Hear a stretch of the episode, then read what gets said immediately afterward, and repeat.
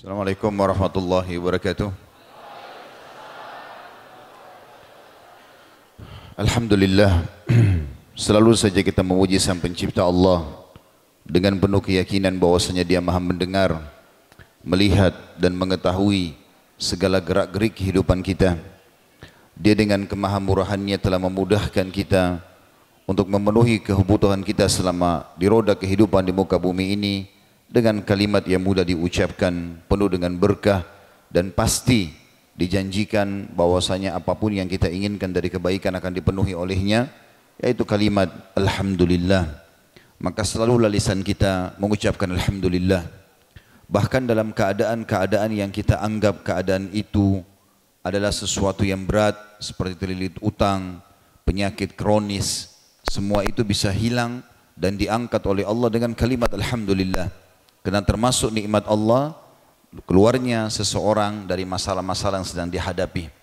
Dan ini banyak sekali luput dari kaum muslimin. Sehingga mereka hanya berkeluh kesah pada saat keadaan sedang terjadi padahal Tuhannya Allah sedang mengujinya. Dan kalimat Alhamdulillah pasti akan memberikan kepadanya jalan keluar. Juga selanjutnya kita panjatkan salam hormat kita penuh dengan cinta dan rindu kepada utusan Allah yang telah membawa kepada kita halal haramnya Allah sehingga kita punya panduan hidup tahu mana yang Allah inginkan dan perintahkan dan mana yang Allah larang. Dan juga mengucapkan satu kali salam hormat kepadanya dijanjikan oleh Allah dengan janji yang benar akan dibalas dengan sepuluh kali tambahan rahmat dan rahmat Allah luas sekali. Masuk di dalamnya pengampunan dosa, peninggian derajat dan pemenuhan segala kebutuhan. Maka sangat wajar setelah memuji Allah Alhamdulillah kita selalu memanjatkan salawat dan taslim kepada Nabi besar Muhammad sallallahu alaihi wasallam. Saudaraku seiman, saya pribadi mengucapkan terima kasih kepada Pak Wali Kota dan seluruh keluarga serta jajarannya atas acara ini. Jazakumullah khairan. Kemudian juga seluruh teman-teman panitia tidak terkecuali dan seluruh muslimin dan muslimat yang hadir. Alhamdulillah kita patut mensyukuri nikmat Allah ini karena Allah mudahkan kita pada siang ini untuk berkumpul dan mengikhlaskan niat tidak ada lain kecuali untuk mempelajari apa yang sedang Allah atau yang selalu Allah tekankan agar kita pelajari sebagai panduan hidup. Judul kita pada siang ini semoga Allah berkahi, aku suka memaafkan. Saudaraku si iman, seorang mukmin memang dituntut untuk menjadi orang yang luar biasa, bukan orang yang biasa. Kalau orang yang biasa, semua orang bisa melakukan. Seorang mukmin pada saat dia butuh dan ada orang lain yang butuh, maka dia mendahulukan orang lain itu. Bahkan kata Nabi SAW, La yu'minu ahadukum hatta yuhibbu li akhihi ma yuhibbu li nafsi. Tidak akan dihitung sempurna iman seseorang sampai dia mencintai untuk saudaranya muslim apa yang dia cintai buat dirinya sendiri. Kita malah dituntut pada saat kita butuh mendahulukan orang lain.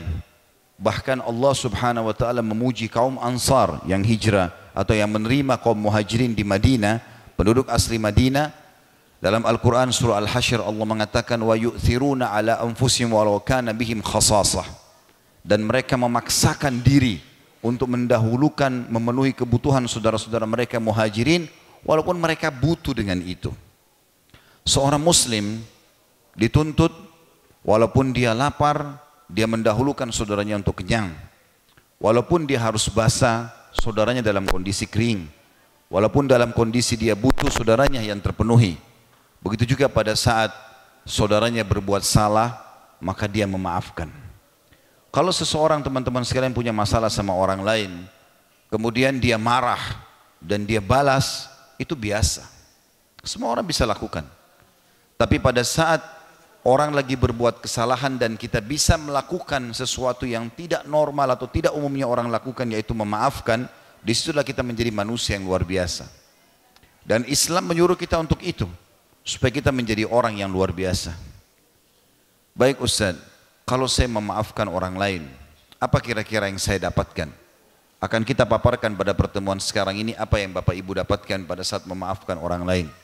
Bagaimana agar hati kita bisa tenang dalam menghadapi permasalahan-permasalahan sudah ada masalah yang sedang kita hadapi baik itu fitnah baik itu ghibah gunjingan baik itu hak kita diambil lalu kita masih diminta dalam syariat memaafkan. Bagaimana kita menghadapi kondisi itu?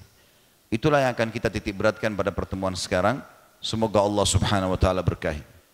Saudaraku si iman, kita akan bermula membahas masalah ini dengan sifat sang pencipta Allah.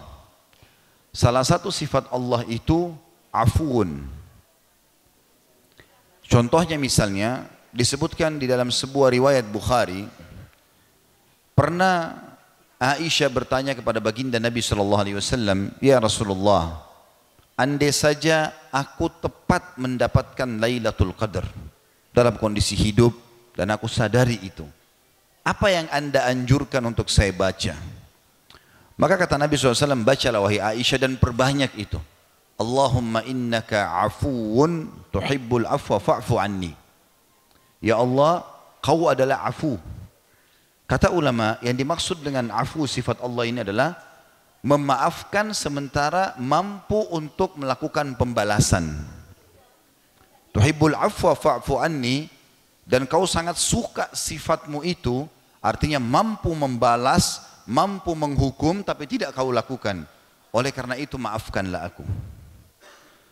Al-Kafawi salah satu ulama mengatakan kata al-afu menahan atau membalas bahaya orang lain padahal dia mampu melakukannya dan setiap orang yang memiliki hak memberi hukuman lalu dia meninggalkannya tidak menghukum maka tindakan meninggalkan ini disebut dalam bahasa Arab dengan al-afu atau pemaafan dia juga mengatakan memaafkan kesalahan bisa dikembalikan kepada makna meninggalkan hukuman yang seharusnya diberikan kepada orang yang bersalah menghapus kesalahannya dan mengganti hukuman dengan harta yang mudah diperoleh oleh seseorang. Ini makna daripada sifat Allah al-afu. Allah itu mampu membalas kita dengan kesalahan kita. Allah subhanahu wa ta'ala mampu membutakan mata seseorang seketika. Menulikan kupingnya atau telinganya. Membuat seluruh badannya stroke, tidak bisa bergerak. Satu urat sarafnya saja dibuat masalah oleh Allah. Dia bisa encok, Bahkan bisa meninggal dunia kalau nafasnya bisa ditahan oleh Allah SWT. Setiap saat bisa datang ancaman Allah Subhanahu Wa Taala. Tapi Allah Subhanahu Wa Taala dengan kemahamulas rahmatnya, sifat afunya, Allah tidak mendahulukan hukuman. Tapi Allah Subhanahu Wa Taala memberikan tangguhan. Tidak ada orang bisa dikatakan ya, di awal perbuatan kesalahannya langsung ketahuan dan kebongkar. Kata para ulama, umumnya orang kalau berbuat kesalahan, nanti dia lakukan yang kesekian kali dan sekian banyak peringatan Allah datang padanya baru Allah Subhanahu wa taala bongkar. Awal dia mencuri, awal dia berzina, awal dia berbohong, awal dia melakukan semua kegiatan, tidak ada hukuman Allah Subhanahu datang kepadanya. Padahal Allah mampu melakukan. Allah Subhanahu wa taala mampu membongkar dari awal. Bahkan Allah mampu membongkar semua kesalahan makhluknya. Karena dia maha melihat, maha menguasai, tetapi Allah subhanahu wa ta'ala mendahulukan sifat afu. Sifat memaafkan sementara dia mampu untuk menghukum. Kalau sudah kesekian kali peringatan-peringatan Allah datang kepadanya, lalu tetap tidak mau satu peringatan lebih berat daripada peringatan yang lainnya, maka di situlah Allah subhanahu wa ta'ala berikan hukuman yang berat. Kalau seseorang misalnya mau mencuri, Allah munculkan sifat takut, rasa takut dalam hatinya nanti kalau ketahuan, nanti kalau terlihat, nanti kalau begini dan begitu. Ini dia berhenti enggak? Ternyata dia enggak berhenti misalnya, tetap aja dia lakukan. Allah buat dia kelihatan, dilihat oleh seseorang, tapi masih bisa selamat. Berapa banyak pencuri yang selamat? Tapi dia tahu kalau orang lain lihat, orang lain sudah tahu peringatan yang lain. Tetap dia lakukan. Allah Subhanahu wa taala akhirnya nanti kalau terus saja peringatan-peringatan dia tidak berhenti, Allah buat dia ketangkap digebukin oleh orang-orang atau dipukulin. Bahkan ulama mengatakan kalau ada pencuri dipukul oleh masyarakat, kalau orang-orang setempat, maka itu bentuk kasih sayang Allah. Karena kalau dia tidak ketangkap, tidak kepergok orang ini akan terus mencuri dan hukumannya di akhirat jauh lebih berat. Rahmat Allah sangat luas kepada hamba-hambanya. Makanya kita minta kepada Allah subhanahu wa ta'ala doa ini. Dan Allah subhanahu wa ta'ala, saudaraku seiman, menyuruh kita untuk melakukan itu. Memiliki sifat afu ini dan Allah akan memberikan banyak sekali manfaat kepada kita. Yang paling dasar sekali, kita kalau memaafkan orang lain sementara orang itu buat kesalahan, maka Allah memaafkan kita dengan dengan pemaafan itu. Teman-teman kalau lagi menghadapi masalah apa pun, coba pekah menangkap bagaimana Allah Subhanahu wa taala memberikan kita jalan keluar dari permasalahan itu. Misal, kita lagi butuh sekali uang. Baik untuk membayar utang atau sedang ada masalah yang sedang kita hadapi dan membutuhkan sekali materi, maka di saat-saat genting itu dan kita kalau berdoa kepada Allah, ya Allah berikanlah, ya Allah mudahkanlah misalnya, maka tiba-tiba ada kerabat kita atau orang yang kita tidak kenal pun datang minta bantuan.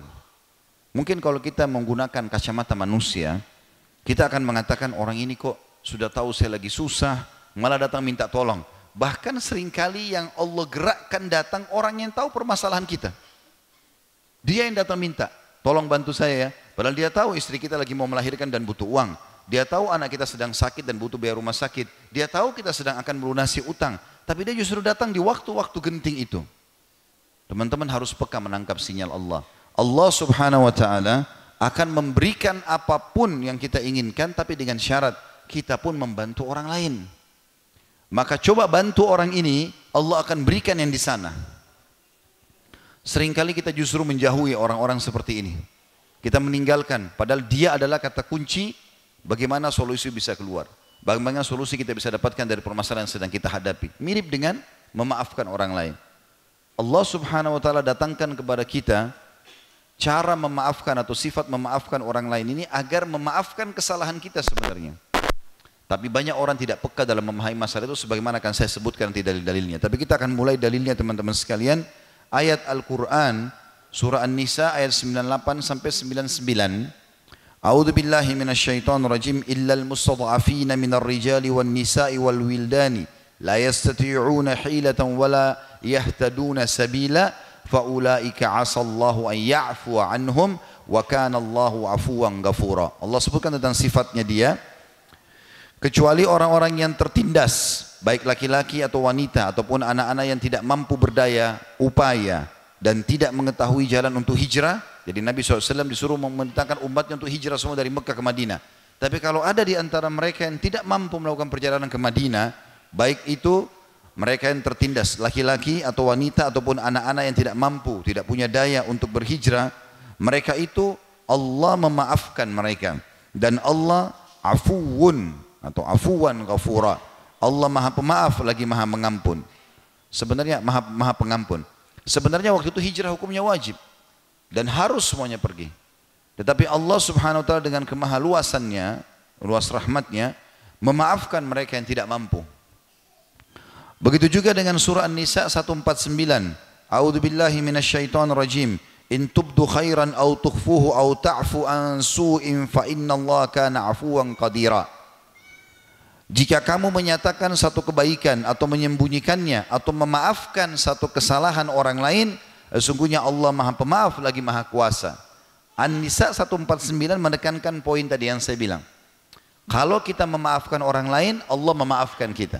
Kalau kita membantu orang lain, Allah bantu kita. Ini poin harus peka ditangkap. Karena Allah subhanahu wa ta'ala akan menguji kita. Kau minta rezeki dari aku, siap enggak kau bantu hamba-hambaku nih? Kalau kau bantu mereka, aku akan bantu. Kau minta aku maafkan kesalahanmu, maafkanlah orang-orang ini yang datang kepadamu. Kita maafkan, kita juga akan dimaafkan. Makanya Allah tekankan dalam surah An-Nisa 149, jika kamu menyatakan satu kebaikan, ada yang kau buat kebaikan walaupun tidak ada yang tahu, atau menyembunyikannya, dan atau memaafkan orang lain. Tidak ada yang tahu, cuma antara kita sama Allah. Udah saya maafin aja. Maka sesungguhnya Allah Maha Pemaaf lagi Maha Kuasa. Artinya Allah akan maafkan kesalahan kita otomatis pada saat itu. Ada sebuah variabel hukum yang harus kita faham dalam syariat kita teman-teman sekalian. Masalah kasus-kasus yang dihadapi di antara manusia. Kalau seandainya kita sedang hadapi masalah dengan orang lain, poin pertama yang harus kita sadari, Bukan cuman kita yang menghadapi permasalahan sama orang. Semua orang menghadapi masalah. Siapa orang teman-teman kita yang hadir di sini tidak pernah digunjing oleh orang lain, tidak pernah digibah. Siapa orang di antara kita tidak pernah ditipu, tidak pernah difitnah, tidak pernah diambil haknya. Siapa di antara kita yang tidak pernah dihina, dicaci maki? Ada saja. Walaupun kita sudah berusaha menjaga semaksimal mungkin adab kita, akhlak kita, ilmu kita, nama baik kita tetap saja ada. Kok bisa? Ya Rasulullah SAW aja begitu. Siapa yang lebih sempurna daripada beliau? Tapi ada saja kaum munafikin di sekitar Nabi SAW hadir di majlisnya, ikut sholat bersamanya, tapi Allah bongkar kedok mereka. Sengaja mencari-cari kesalahan baginda Nabi SAW. Tapi Nabi tahu mereka. Dan Nabi SAW tidak tergoyah dalam berdakwah, tidak bergerak, tidak maksudnya tidak berusaha untuk terganggu dengan apa yang mereka sampaikan. Itu terjadi pada Nabi SAW. Difitnah istrinya berzina, difitnah beliau itu mengarang-arang Al-Quran, difitnah beliau itu adalah seorang penyihir dan penyamun, bahkan lagi sholat diinjak lehernya oleh orang-orang Quraisy, dikutumpakan kotoran. Nabi SAW bersabar dalam masalah itu. Yang penting beliau mengetahui ini kebenaran. Sampai Abu Talib datang dengan sangat jelas mengatakan, Hai Muhammad, kaummu sudah terganggu. Mereka minta kau tinggalkan agama ini. Bahkan orang-orang Quraisy datang kepada Nabi SAW mengatakan, Hai Muhammad, kalau yang kau dakwakan ini, yang kau sedang sampaikan ini, hanya untuk mengejar kekayaan, kami kumpulkan seluruh harta kami. Kami jadikan kau orang terkaya kami. Tapi berhenti. Atau kalau kau kejar dalam dakwamu ini, perempuan yang kau ingin nikahi, tunjuk wanita mana pun yang kau inginkan di Mekah, berapapun jumlahnya kami akan nikahkan kamu. Tapi saat berhenti berdakwah. Atau kau ingin menjadi raja, kami nobatkan kau jadi raja Mekah, berhenti berdakwah. Dan seterusnya penawaran-penawaran duniawi, maka Nabi SAW jawab dengan kalimat yang terkenang, terukir dengan ukiran emas sampai hari kiamat di buku-buku Islam. Kata Nabi SAW, wahai pamanku, andai saja mereka meletakkan matahari di tangan kananku. Bukan cuma yang tadi ditawar-tawarkan tuh, wanita lah, harta lah, kerajaan. Kalau matahari mereka berhasil tangkap dengan tangan mereka lalu ditaruh di tangan kananku. Enggak ada orang bisa lakukan itu. Berarti saya kuasai matahari dan bulan di tangan kiriku untuk aku tinggalkan kebenaran ini maka aku tidak akan tinggalkan. Kekokohan dalam mempertahankan kebenaran itu kelihatan. Nabi Alaihissalam dalam kondisi seperti itu beliau mendahulukan memaafkan orang lain. Tidak pernah balas kejelekan dengan kejelekan. Bahkan orang-orang munafik dengan sangat jelas menghina-hina Nabi SAW dan para sahabat sampai jengkel luar biasa istrinya difitnah berzina saya tidak bisa bayangkan bagaimana seorang dai saja seorang ulama lalu istrinya di, di, di, diberitakan selingkuh dengan orang lain satu negeri tahu. Satu Madinah menyangka ya berita tersebar bahwasanya Aisyah berzina dengan Safwan. Nabi SAW terputus wahyu pada saat itu selama sebulan. Nggak ada berita dari langit. Maka beliau pun merasa pada saat itu ini cobaan dari Allah SWT beliau bersabar. Dan pada saat ketahuan pelaku-pelakunya, nah, para sahabat menawarkannya Rasulullah. Kami sudah tahu siapa pelakunya, Ubaidillah bin Abi Salul, ya, kepala munafikin. Izinkan kami menebas lehernya. Maka Nabi SAW mengatakan jangan. Nanti orang akan bilang Muhammad membunuh sahabat-sahabatnya. Jadi mereka sudah terlanjur dekat dengan saya. Enggak mungkin saya balas kejelekan itu dengan kejelekan. Sudahlah, orang sudah tahu kesalahan mereka, sudah cukup, selesai. Enggak perlu kita ikut-ikutan membalas itu. Itu sifat yang luar biasa. Ya, memang ini dibutuhkan bagi setiap muslim untuk ditanam menanamkan dalam jiwa mereka seperti itu.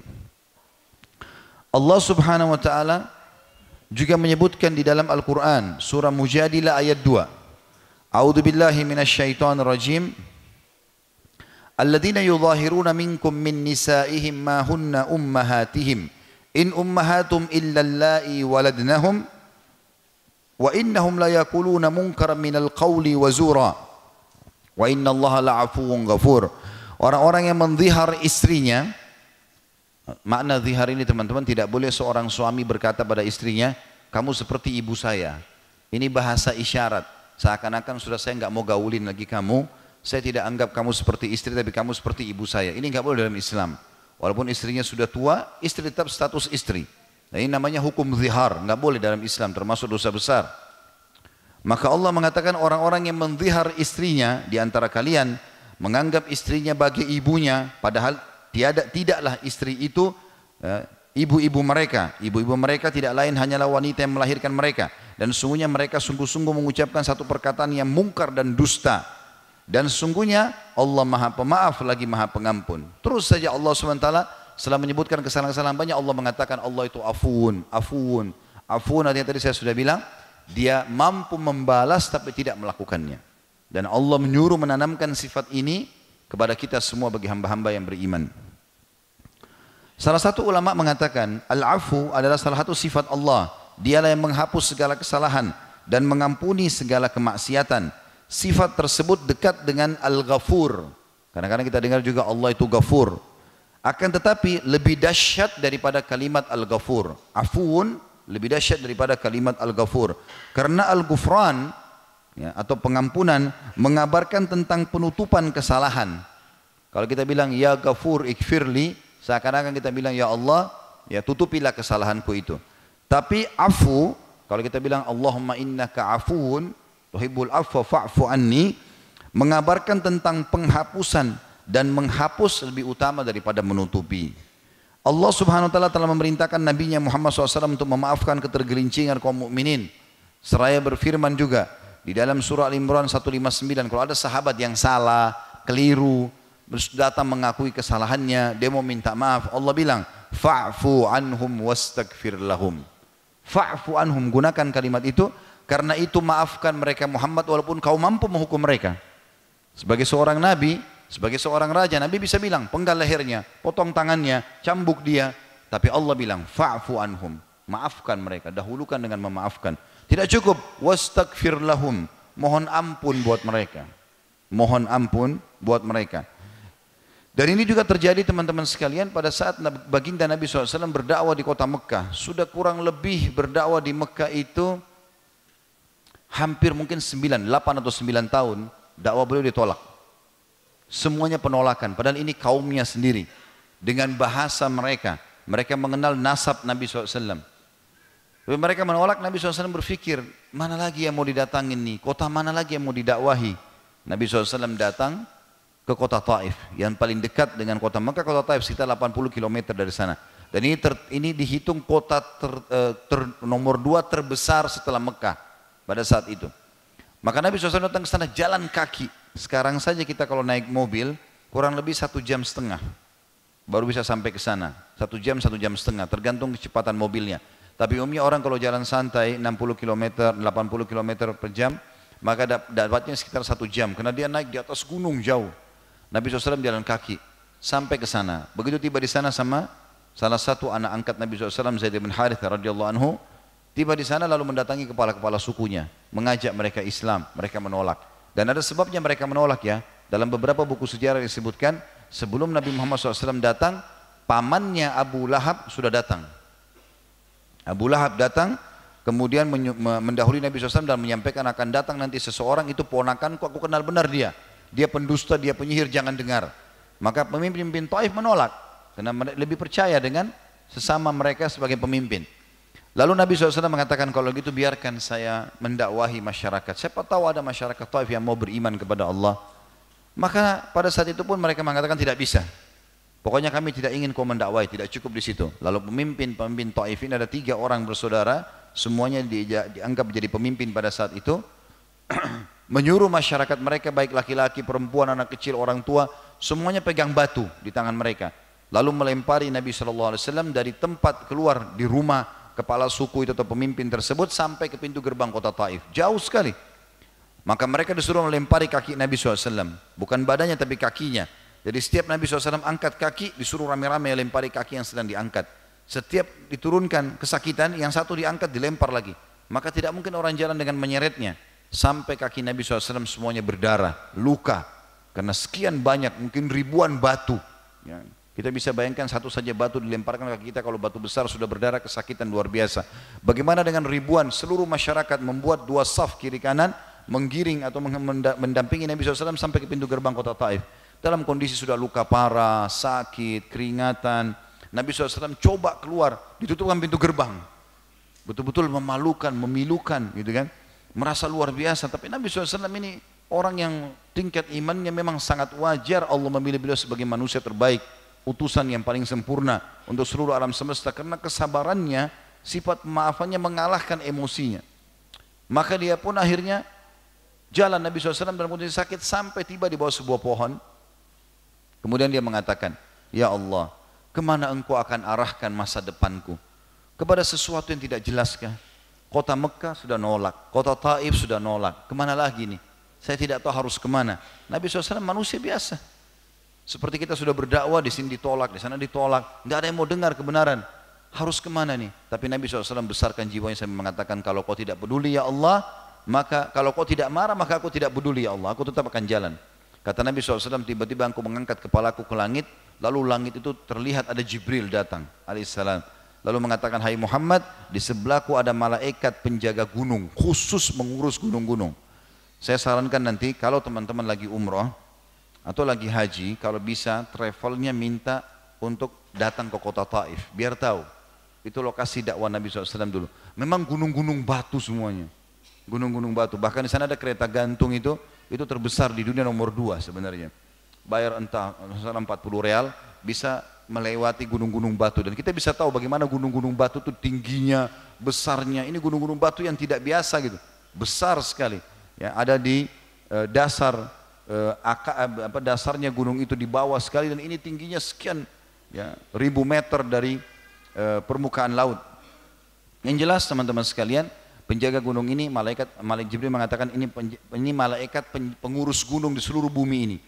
Kalau engkau mau, suruh saja dia, dia akan satukan semua gunung-gunung batu ini sehingga dua kota ini hilang ceritanya.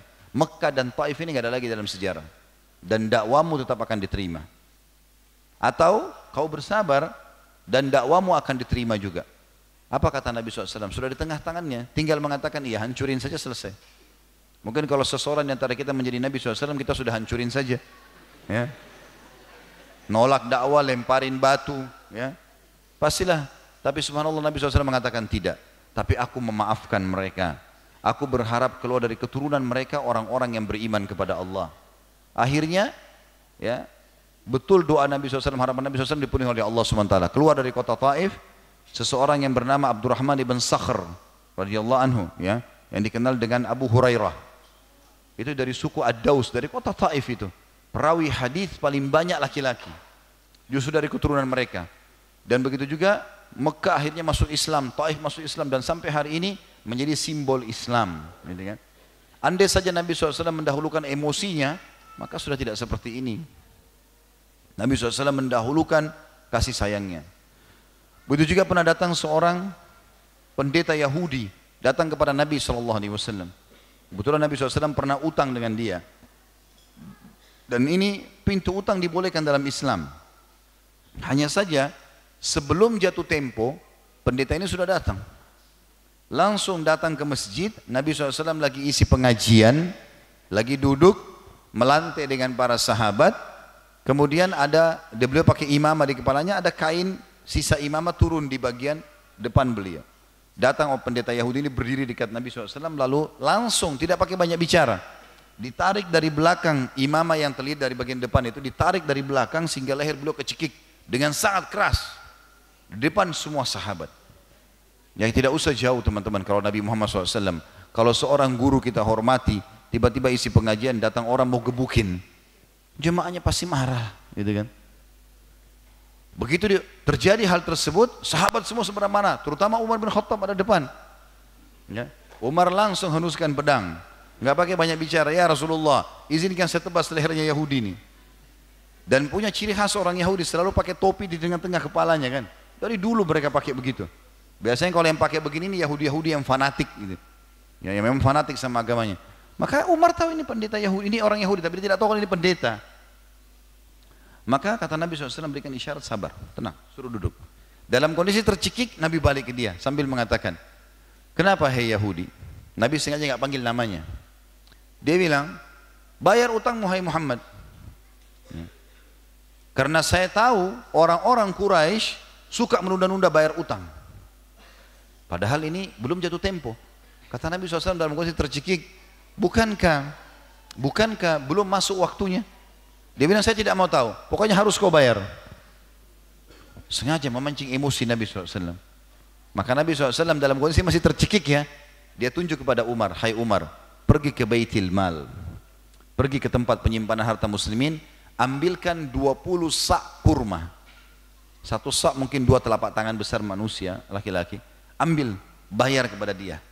Terus tambah lagi 20 sak.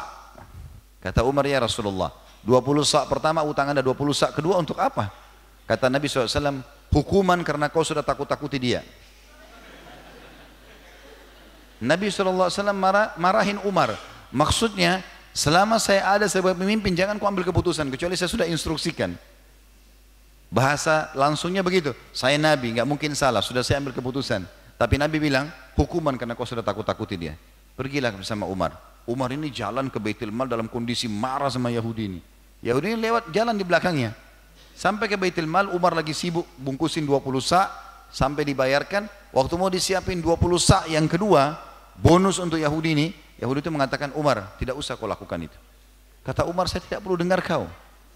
Ini perintah Nabi kami. Ya. Tidak perlu dengar. Gitu. Dia bilang, saya mau tanya Umar, apa kau tahu saya? Kata Umar, saya tidak perlu tahu siapa kamu. Marah sekali Umar sama dia. Dia bilang, saya Fulan bin Fulan. Rupanya namanya orang ini, nama pendeta Yahudi yang terkenal sangat soleh. Artinya di alam orang Yahudi ini orang baik. Dan sudah lama terkenal orang ini mau masuk Islam. Kata Umar, saya tanya kamu atas nama Allah, apa kau benar dia? Dia bilang, iya. Lalu kenapa kau lakukan itu? Kau tahu itu adalah Rasulullah SAW. Berani benar kau lakukan perbuatan itu? Dia bilang, hai Umar, apa kau kira saya sudah gila? Saya datang ke masjid kalian, mencekik Nabi kalian di depan kalian, berucap kata-kata kasar padanya, menagih utang sebelum jatuh tempo. Apa kau pikir saya sudah gila? Saya sudah pertaruhkan nyawa saya. Kata Umar, baiklah saya mau tahu kenapa kau lakukan. Dia bilang, hai Umar, tidak ada yang mendorong saya melakukan kecuali saya ingin memastikan satu sifat nabi yang disebutkan dalam Taurat tentang nabi terakhir. Semua cirinya Muhammad ini, nabi terakhir sudah ada pada dia. Dalur nasabnya dari Mekah hijrah ke Madinah, pengikutnya, semua ini sudah ada.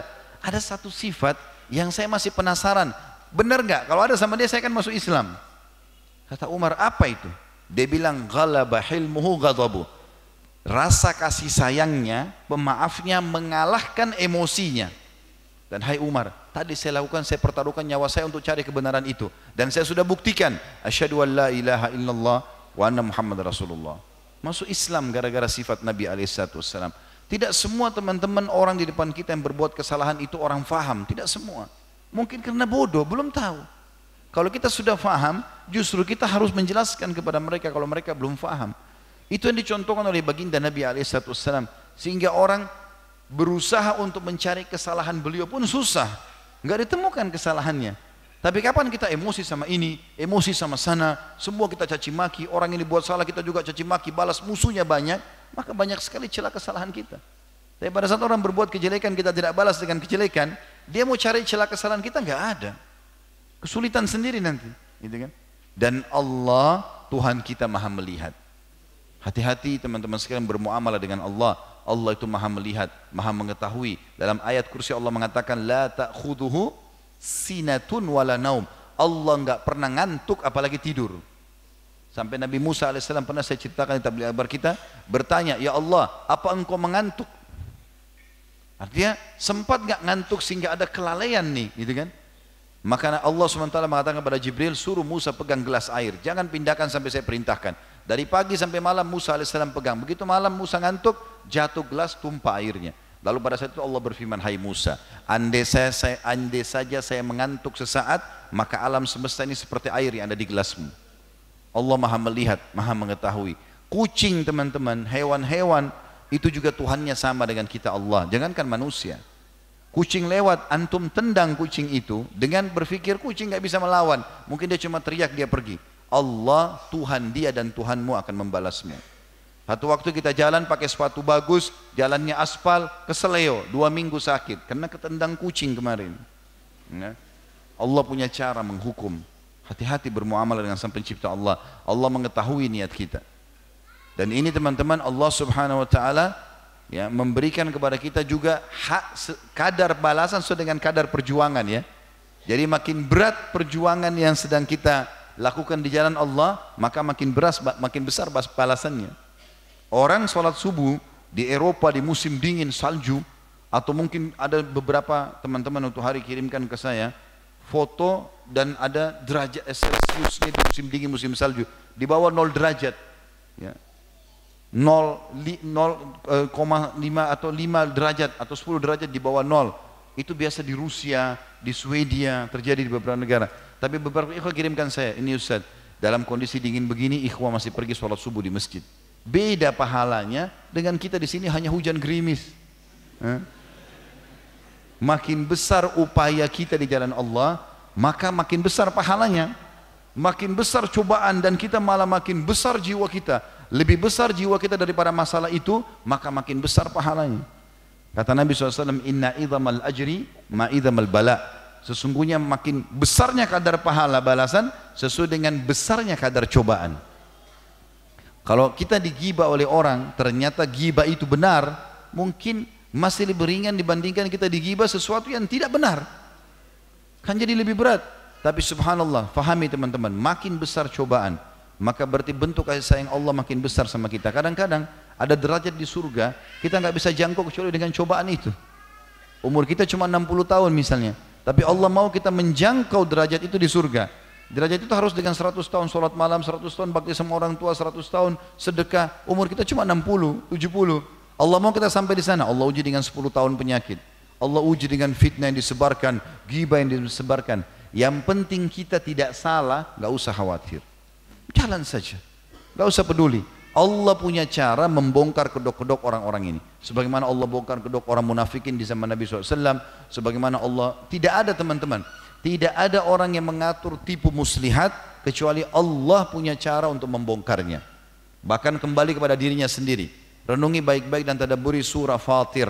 Surah nomor 35 ayat 43. Di potongan ayat itu Allah mengatakan A'udzubillahi minasyaitonirrajim wala yahikum makrus sayyi illa bi ahli.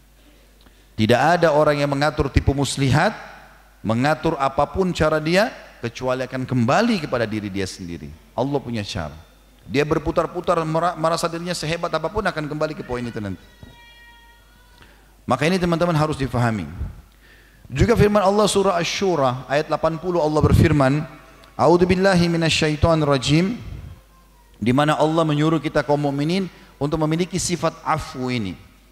Wa jazaa'u sayyi'atin sayyi'atun mithluha mithluha faman 'afa wa aslaha fa ajruhu 'ala Allah innahu la yuhibbul zalimin. Balasan kejahatan adalah kejahatan yang serupa. Artinya kalau orang buat jahat kita laporin bisa nggak? Boleh.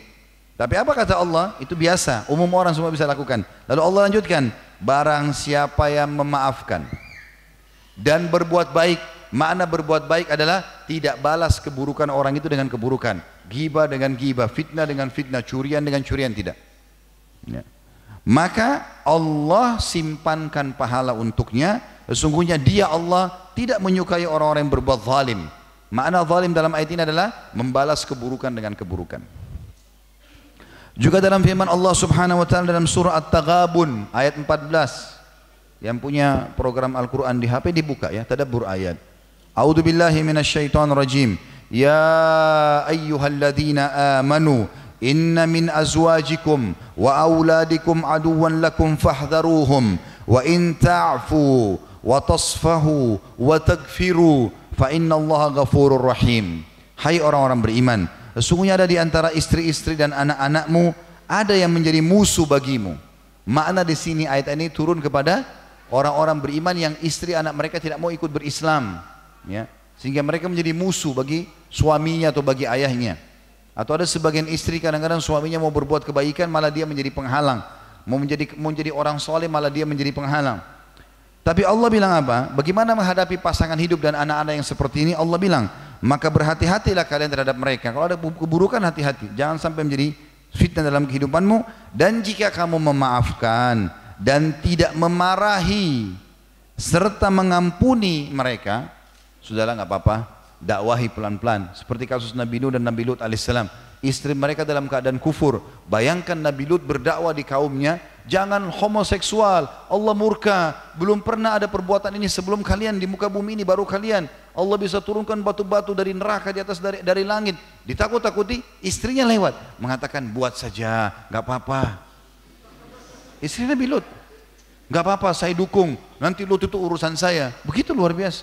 Dia dukung. Bahkan dalam beberapa riwayat disebutkan mertuanya Nabi Lut, ayahnya istrinya ini juga meninggal dalam keadaan kufur, itu pelaku homoseksual. Pendukung di situ. Tapi Nabi Lut alaihissalam menjalankan dakwah, tetap mendakwahi, mengingatkan istrinya. Tapi karena tidak mau Allah binasakan semuanya. Mirip dengan kasus Nabi Nuh, sampai Allah jadikan perumpamaan dalam Al-Quran tentang dua istri orang soleh. Dua-duanya di bawah naungan hamba kami yang soleh. Tapi dua-duanya berkhianat, tidak mau menjalankan, maka tertimpa apa yang menimpa orang-orang ini. Allah menyuruh kita maafkan, jangan marahi, nasihati baik-baik. Ya. Kemudian ampuni mereka. Eh, maafkan juga mereka. Sesungguhnya Allah maha pengampun lagi maha penyayang. Kalau kau maafkan, kau justru dimaafkan. Allah juga menjelaskan bahwa memaafkan adalah sifat orang-orang yang bertakwa. Allah sebutkan dalam surah Al-Baqarah ayat 237. A'udzu billahi minasyaitonir rajim wa an ta'fu aqrabu littaqwa. Dan kalau kau afu, tadi saya bilang afu itu artinya memaafkan sementara mampu, punya kemampuan, punya potensi, punya kekuasaan, punya kekuatan untuk melampiaskan. Itu adalah lebih dekat dengan sifat orang-orang bertakwa. Juga Allah Subhanahu wa taala berfirman dan ini ayat mulia sekali, ya. Kita mampu melampiaskan emosi kita, tapi kita kontrol. Justru kita dahulukan nasihat, kita dahulukan pemaafan. Allah sebutkan tentang orang yang melakukan itu termasuk ciri ahli surga. Dalam surah Al-Imran, surah nomor 3 ayat 133 sampai 136. Allah berfirman, A'udzu billahi minasyaitonir rajim. Wasari'u ila maghfiratin min rabbikum wa jannatin arduha as-samawati wal ardu iddat lil muttaqin. Ini satu tiga tiganya artinya berlumba-lumbalah kalian ya atau bersegera kalian bersegeralah kalian kepada pengampunan Tuhan kalian dan kejarlah surga. Setelah taubat ya maka segeralah kalian berbuat amal untuk mengejar surga yang luasnya seluas langit dan bumi hanya dijanjikan untuk orang yang bertakwa. Pertanyaan kecil, siapa yang Allah janjikan ini? Pengampunan dosa dan juga masuk surga yang luasnya seluas langit dan bumi. Allah bilang tentang ciri orang yang bertakwa ini, ahli surga ini. Alladina, ini satu tiga empatnya. Alladina yunfikuna fis sarra'i wal dharra'i wal qadhimin al ghaidha wal afina anin nas. Wallahu yuhibbul muhsinin yaitu orang-orang yang sibuk menginfakkan harta mereka baik dalam keadaan mereka sempit atau dalam keadaan mereka lapang miskin pun tetap bersedekah rutin tiap hari memberi di jalan Allah Subhanahu wa taala dan orang yang qadhimin al-ghaidh qadhimil ghaidh kata ulama tafsir adalah orang yang mampu melampiaskan marahnya tapi dia tidak mau dia malah mengontrol dirinya Lalu Allah bilang wal afina anin nas bahkan memaafkan kesalahan orang lain. Wallahu yuhibbul muhsinin. Semua itu karena Allah suka orang berbuat kebaikan-kebaikan. Khusus masalah A134 ini ada kasus terjadi. Pernah ada seorang salafus saleh dari kalangan tabi'in. Dia kebetulan punya budak laki-laki. Disuruh buat marak kambing yang panas sekali. Dimasak untuk tamu. Maka diangkatlah sama dia di sebuah wadah yang besar.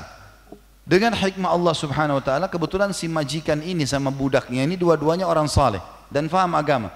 Tidak sengaja waktu dia lagi mau letakkan kari kambing itu di depan tuannya, kakinya kesentuh karpet yang terlipat jatuh, tumpah semua di badan majikannya.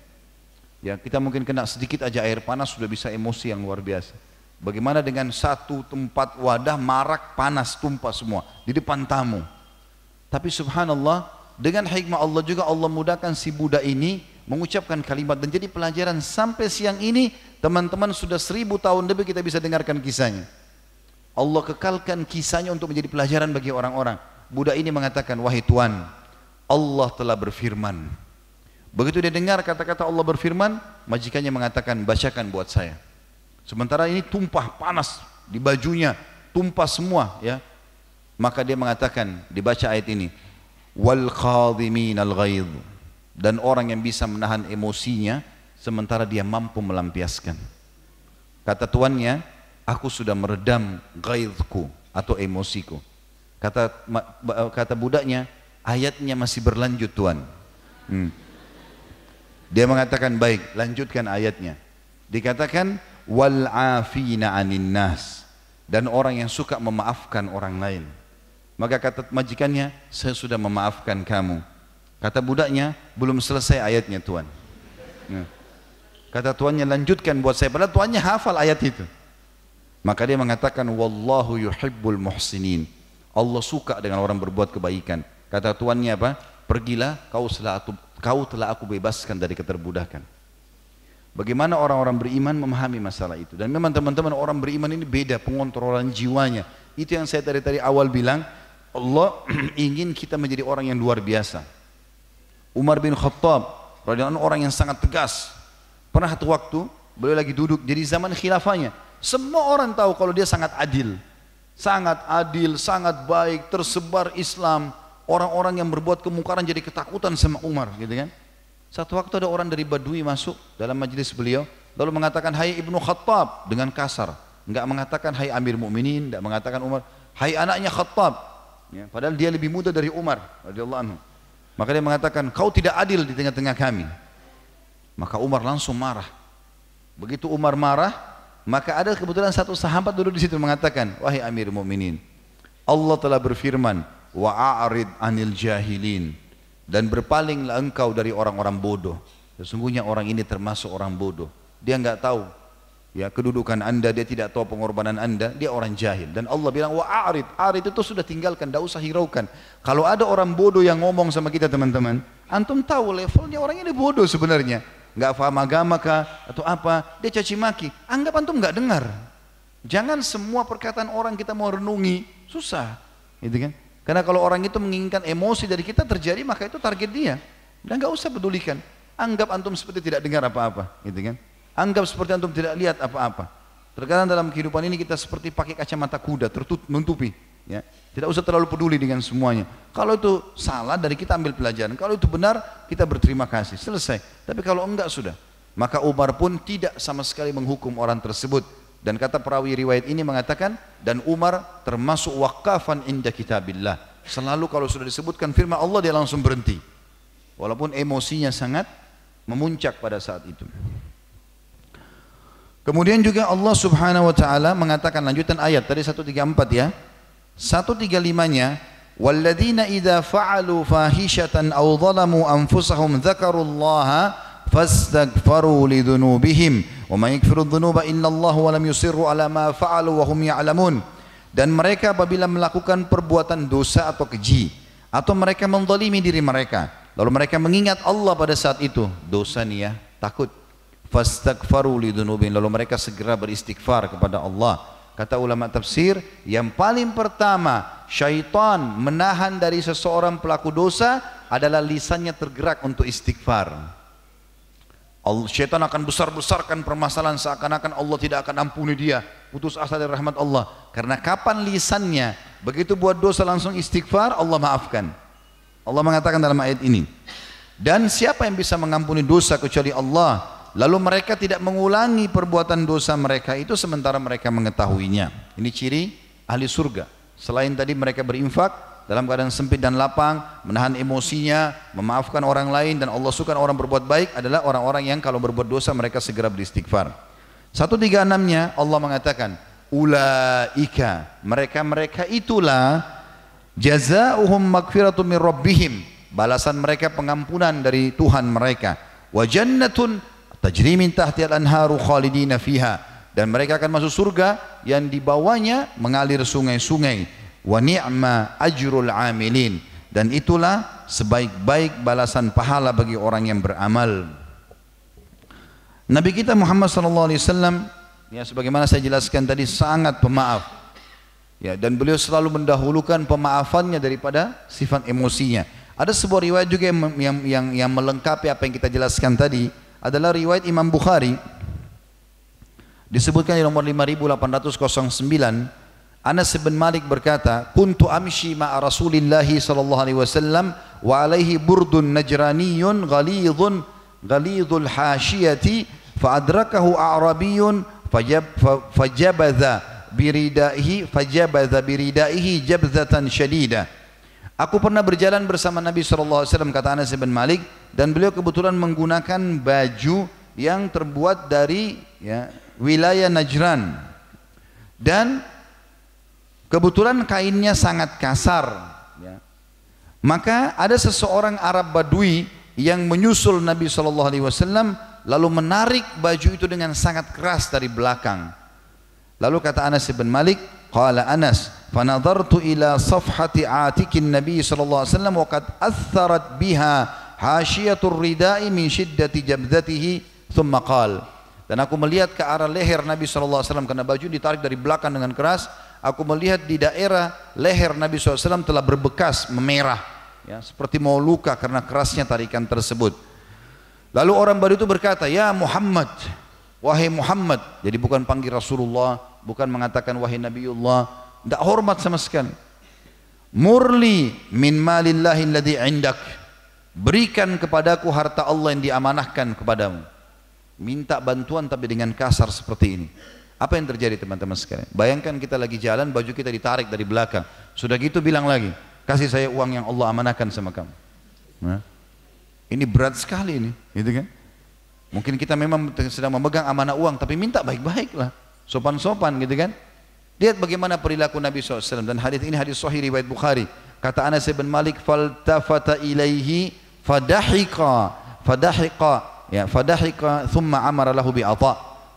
Faltafata ilaihi fadahika, thumma amara lahu bi'ata.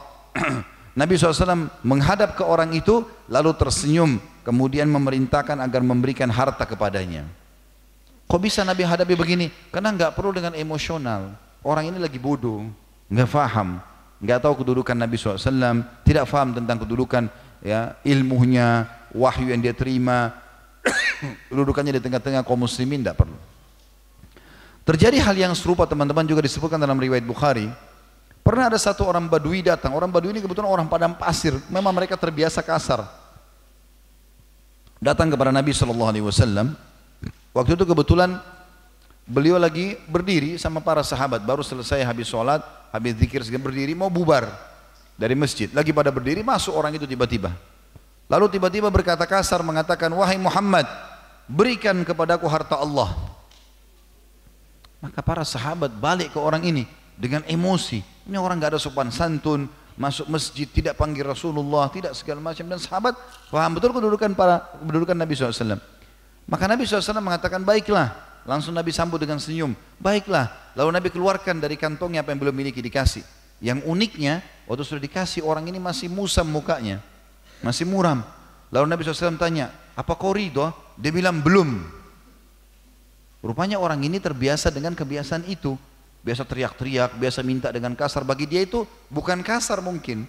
Mungkin tradisi sukunya, biasa begitu. Ya, kita temukan ada kadang-kadang suku di kita di Indonesia ada suku yang mungkin dia tidak berniat untuk bicara kasar tapi memang bahasa mereka begitu. Ya. Maka yang terjadi Nabi SAW mengatakan baiklah ikutlah ke rumahku. Ikutlah ke rumahnya. Ke rumah Nabi SAW. Nabi ajak sengaja berdua. Lalu Nabi SAW mengatakan ambillah ini dikasih. Apa kau ridho? Belum. Nabi kasih lagi. Apa kau ridho? Belum. Sampai Nabi kasih berulang-ulang. Lalu Nabi tanya apa kau ridho? Dia bilang iya. Ternyata orang ini memang punya hajat. Dia punya hajat, kata sebagian ulama hadis mungkin anak-anaknya banyak, dia lagi perlu, dia tahu Nabi SAW sering memberi, dan dia tidak tahu cara minta kecuali dengan cara itu. Polos orangnya. Cukup nggak? Belum. Misalnya kita kasih orang miskin minta kita kasih satu piring makan, cukup nggak? Nggak cukup. Belum. Kenapa mungkin dia punya tiga orang anak juga yang mau makan? Tapi bahasa dia harus mengatakan apa adanya. Kata Nabi SAW, apa kau sudah ridho? Dia bilang iya. Apa yang kau ucapkan? Kata Nabi kalau kau sudah ridho. Dia bilang jazakallahu khairan. Semoga Allah balas anda dengan kebaikan. Kata Nabi SAW, kalimatmu ini sangat penting. Tadi waktu kau datang pertama di masjid, ya, waktu kau datang pertama di masjid, maka kau ucapkan kalimat yang sedikit mencederai perasaan para sahabatku. Mereka anggap kau tidak sopan, gitu kan? Dan kami memberi kau mengatakan belum. Lalu kami datang ke rumah, engkau datang ke rumah kami, kami berikan sampai kau ridho. Dan kau sudah ucapkan kalimat yang baik. Aku ingin sekarang kau keluar dengan aku sama-sama keluar, ketemu dengan para sahabatku dan ucapkan kalimat kau terakhir ini. Dia bilang baik ya Rasulullah. Pergilah masuk ke masjid lalu kata Nabi SAW langsung Nabi tenangkan audiens ini. Orang lagi pada panas semua marah dengan orang ini. Dan mereka penasaran Nabi buat apa sama orang ini dalam rumah nih. Maka Nabi SAW mengatakan, Wahai sahabat-sahabatku, Sesungguhnya saudara kita ini datang tadinya punya hajat dan dia minta kami berikan di hadapan kalian tapi dia masih belum ridho. Kami ajak ke rumah kami dan kami berikan. Dia masih belum ridho sampai kami berikan beberapa kali dan dia akhirnya ridho. Dan dia mengucapkan kalimat yang mulia. Nabi terangkan apa yang terjadi dalam rumah dan apa yang di, apa kebaikannya orang ini. Nabi nggak mau disebut keburukannya orang ini. Nabi bilang dan dia ucapkan kalimat yang mulia. Apa pendapatmu setelah kau ridho hai saudaraku? Ditanya orang Badui tersebut. Dia mengatakan jazakallahu khairan. Dan ditambah lagi semoga Allah balas engkau dengan kebaikan yang melimpah. Maka kata Nabi SAW, sudah kalian dengar orang ini berterima kasih. Maka jangan ada yang jadi beban dalam hatinya. Maka orang Badui itu pun pergi. Para sahabat waktu itu sudah mulai redam, tapi masih ingin obat untuk mengobati perasaan mereka. Apa yang terjadi? Kata Nabi Shallallahu Alaihi Wasallam, perumpamaan aku, maksudnya sebagai Nabi, sebagai utusan Allah, dengan orang ini seperti orang yang lepas untahnya. Jadi seperti orang ini unta saya, lepas, lalu kalian berusaha mengejar unta itu, ada yang mau memukulnya, ada yang mau marah sama dia. Lalu aku pemilik unta mengatakan, biarkan aku dengan untaku, biarkan aku dengan untaku. Pada saat kalian membiarkannya, aku pun mendekatkan memancing dia dengan makanan sehingga unta itu datang dan menjadi jinak di depanku. Andai saja aku ikuti emosional kalian, nggak seperti ini keadaannya orang ini. Udah dia punya hajat dia sudah pergi selesai. Untuk apa kita ribut-ribut nih, gitu kan? Terjadi juga teman-teman sekalian, pernah terjadi dalam riwayat yang sahih dan ini hadis diriwayatkan oleh Imam Bukhari di nomor 2910 dan juga Imam Muslim di nomor 843. Dalam salah satu peperangan, baginda Nabi alaihi salatu wassalam pernah pulang, sudah pulang, sudah menang melawan suku. Ada satu suku Arab lari mereka. Rupanya suku Arab ini waktu Nabi SAW mau pulang ke Madinah, mereka ada yang mengikuti. Gitu kan? Mau coba-coba melemparkan panah dari jauh ke apa ada yang bisa dibalas gitu loh ya. Waktu mereka istirahat di sebuah lapang, lapang padang pasir gitu, kata para sahabat, kami menemukan kami pun masing-masing mencari tempat istirahat dan Nabi SAW sendirian ada di bawah sebuah pohon. Beliau pun menggantungkan pedangnya. Maka suku Arab ini yang ingin menyerang Nabi SAW itu sempat mengatakan satu sama yang lain, siapa yang datang dan membunuh orang ini. Maksudnya Nabi Muhammad SAW tidak ada kesempatan lagi seperti ini. Maka datanglah seorang badui dari mereka mendekati Nabi SAW tiba-tiba ambil pedang Nabi tiba-tiba pedang itu sudah di, di, di, diarahkan ke leher Nabi. Nabi SAW bangun begitu bangun lihat ada pedang di lehernya. Lalu orang itu mengatakan apa? Hai Muhammad siapa yang bisa menolongmu dari aku sekarang? Ini pedangnya itu bukan cuma ada jarak ya sudah ditekan di leher Nabi SAW. Ini maksudnya tinggal tekan sedikit mati gitu loh. Jadi memang sudah terancam. Siapa yang bisa selamatkan kau sekarang? Maka Nabi SAW dengan sangat tenang, ujung pedang yang tajam sudah di tenggorokan Nabi SAW. Sudah melengket di kulit beliau. Lalu beliau mengatakan, Allah. Dengan sangat tenang. Lalu tiga kali Nabi SAW ulangi, Allah. Yang ketiga kali Nabi mengatakan, Allah. Maka gemetar tangan orang tersebut jatuh pedangnya. Dengan cepat Nabi SAW berdiri, mengambil pedang tersebut lalu mengarahkan pedang itu ke lehernya orang itu. Sama sikapnya. Pas di lehernya. Lalu kata Nabi SAW, siapa yang bisa menyelamatkan kau dari aku sekarang? Orang itu pun terdiam. Lalu para sahabat berkumpul, lalu Nabi SAW, mereka tinggal tunggu, Nabi bunuh nggak ini? Maka Nabi SAW tarik pedangnya, lalu kemudian memaafkan orang itu menyuruh dia pergi. Tidak ada sama sekali, padahal ini akan dibunuh oleh musuh. Ini sifat yang luar biasa gitu. Ya. Memang butuh juhud teman-teman, butuh upaya untuk itu ya. Renungi baik-baik kapan kita maafkan orang lain, Allah pun akan maafkan kita. Ada beberapa poin penting harus kita pahami. Tadi sudah saya singgung poin pertama. Kalau terjadi sesuatu pada orang lain, maka teman-teman sekalian yang paling pertama Allah subhanahu wa ta'ala menyuruh kita untuk memaafkan dia. Loh kan kalau kita maafkan kita masih pegal hatinya. Ya, renungi baik-baik. Allah akan maafkan kesalahan kita. Ada dosa-dosa yang kita tidak tahu dosa seberat apa pun. Allah bisa maafkan mungkin dengan sendal kita diinjak oleh orang lain lalu kita maafkan. Mungkin sendal kita dicuri. Mungkin utangnya tidak dibayar. Mungkin dia gunjing kita. Kita nggak tahu. Kita nggak melakukannya tapi dia melakukannya. Atau bahkan ada aib-aib yang sengaja dibongkar. Gitu kan? Sampai kata Nabi SAW, siapa yang sengaja mencari-cari aib saudaranya muslim, maka Allah akan bongkar aib yang dari dalam rumahnya sendiri maka dia akan dapat hukumannya. Lalu kita maafkan teman-teman pada saat itu Allah SWT akan memaafkan kesalahan-kesalahan kita. Allahu alam, mungkin hanya dia gibah sekali, dosa kita 20 tahun dimaafkan. Dari mana kita tahu? Gitu kan? Maka kita harusnya paham ini. Kemudian yang kedua teman-teman, kalau kita memaafkan orang lain, walaupun dia belum minta maaf, maka kita dapat pahala. Karena itu perintah Allah, kita dapat pahala. Tapi dia belum lepas dari hukum dia belum lepas dari hukum karena syarat dia supaya lepas dari hukuman Allah sudah gibah, sudah gunjing dia harus bertobat sama Allah dan minta maaf sama kita. Berarti kalau kita maafkan dia pun antara kita sama Allah itu bukan dia berarti lepas dari hukuman Allah enggak. Allah akan hukum dia. Kecuali kita datang ke depan mukanya lalu mengatakan saya sudah maafkan kamu. Itu lain. Berarti kita sudah jelas-jelas ridho dengan dia. Tapi kalau kita cuma maafkan antara kita sama Allah untuk mendapatkan pengampunan dosa, maka dia tetap akan kena hukum.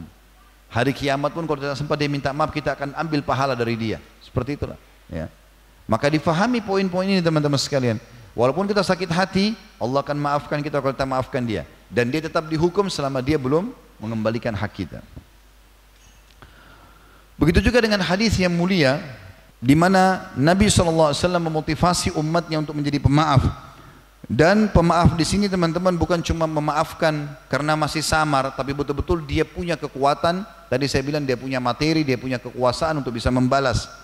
Dalam sebuah hadis yang sahih, hadis ini riwayat Imam Muslim nomor 2588, juga Imam Tirmidzi 2098. Kata Nabi SAW, "Ma naqasat sadaqatun min malin wa ma zadallahu 'abdan bi'afwin illa izza wa ma tawadha'a ahadun lillahi illa rafa'ahu Allah."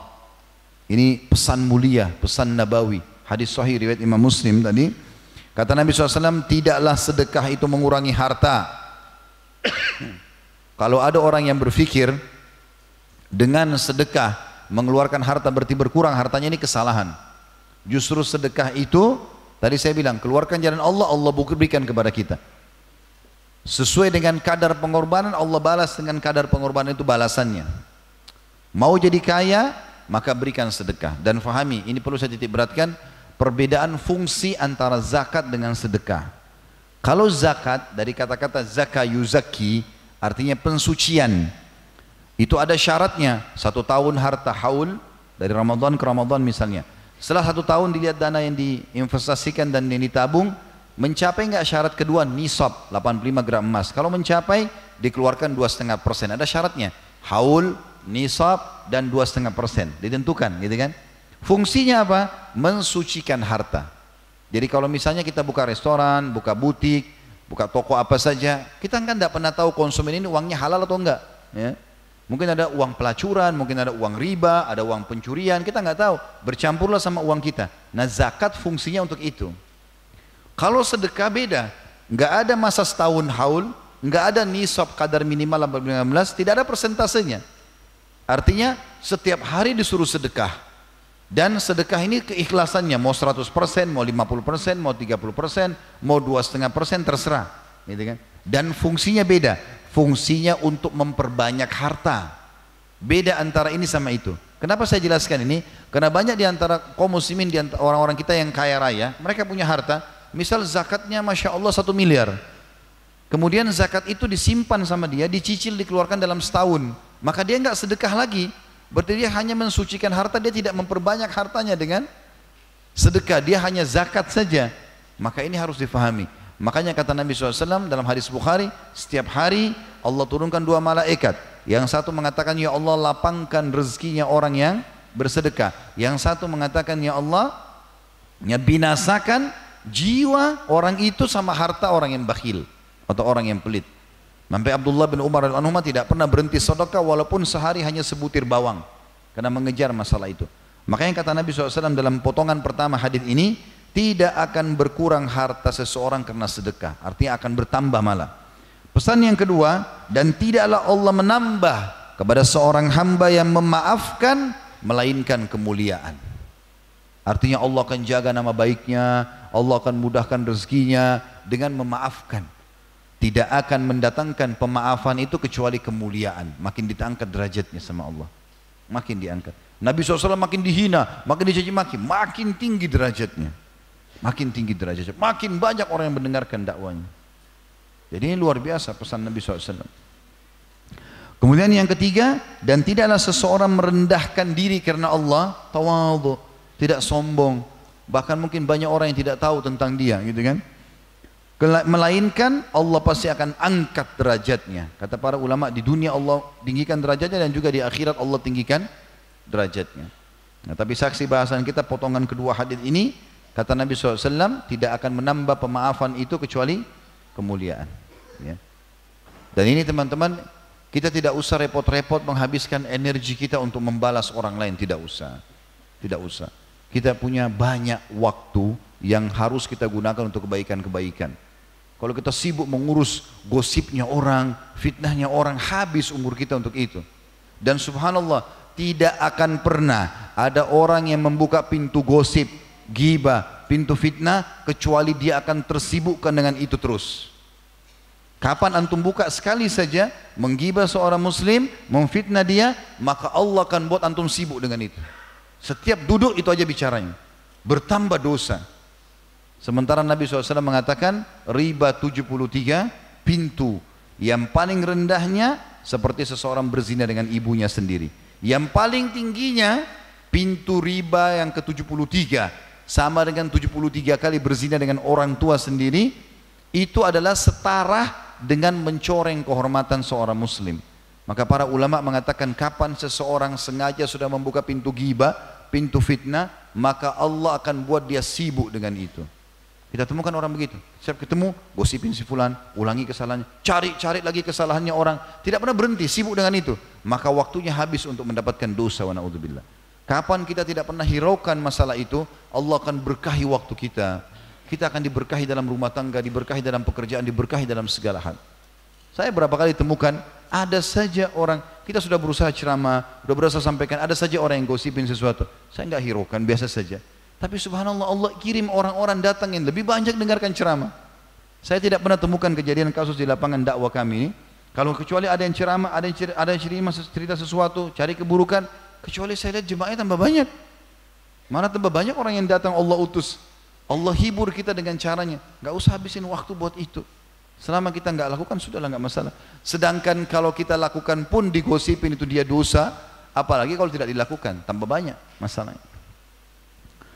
Maka teman-teman sekalian saya ulangi hadisnya kata Nabi SAW tidaklah sedekah itu mengurangi harta seseorang hamba tidaklah menambah kepada seorang hamba yang memaafkan melainkan kemuliaan dan tidaklah seseorang merendah diri karena Allah tawadu melainkan dia Allah akan mengangkat derajatnya di dalam hadis yang lain Uqbah bin Amir radhiyallahu anhu berkata dan hadis ini juga hadis sahih diriwayatkan oleh Imam Ahmad di nomor 35 tepatnya di jilid 19 halaman 184 dan Syekh Albani sebutkan dalam silsilah hadis sahihah nomor 890 dan 891.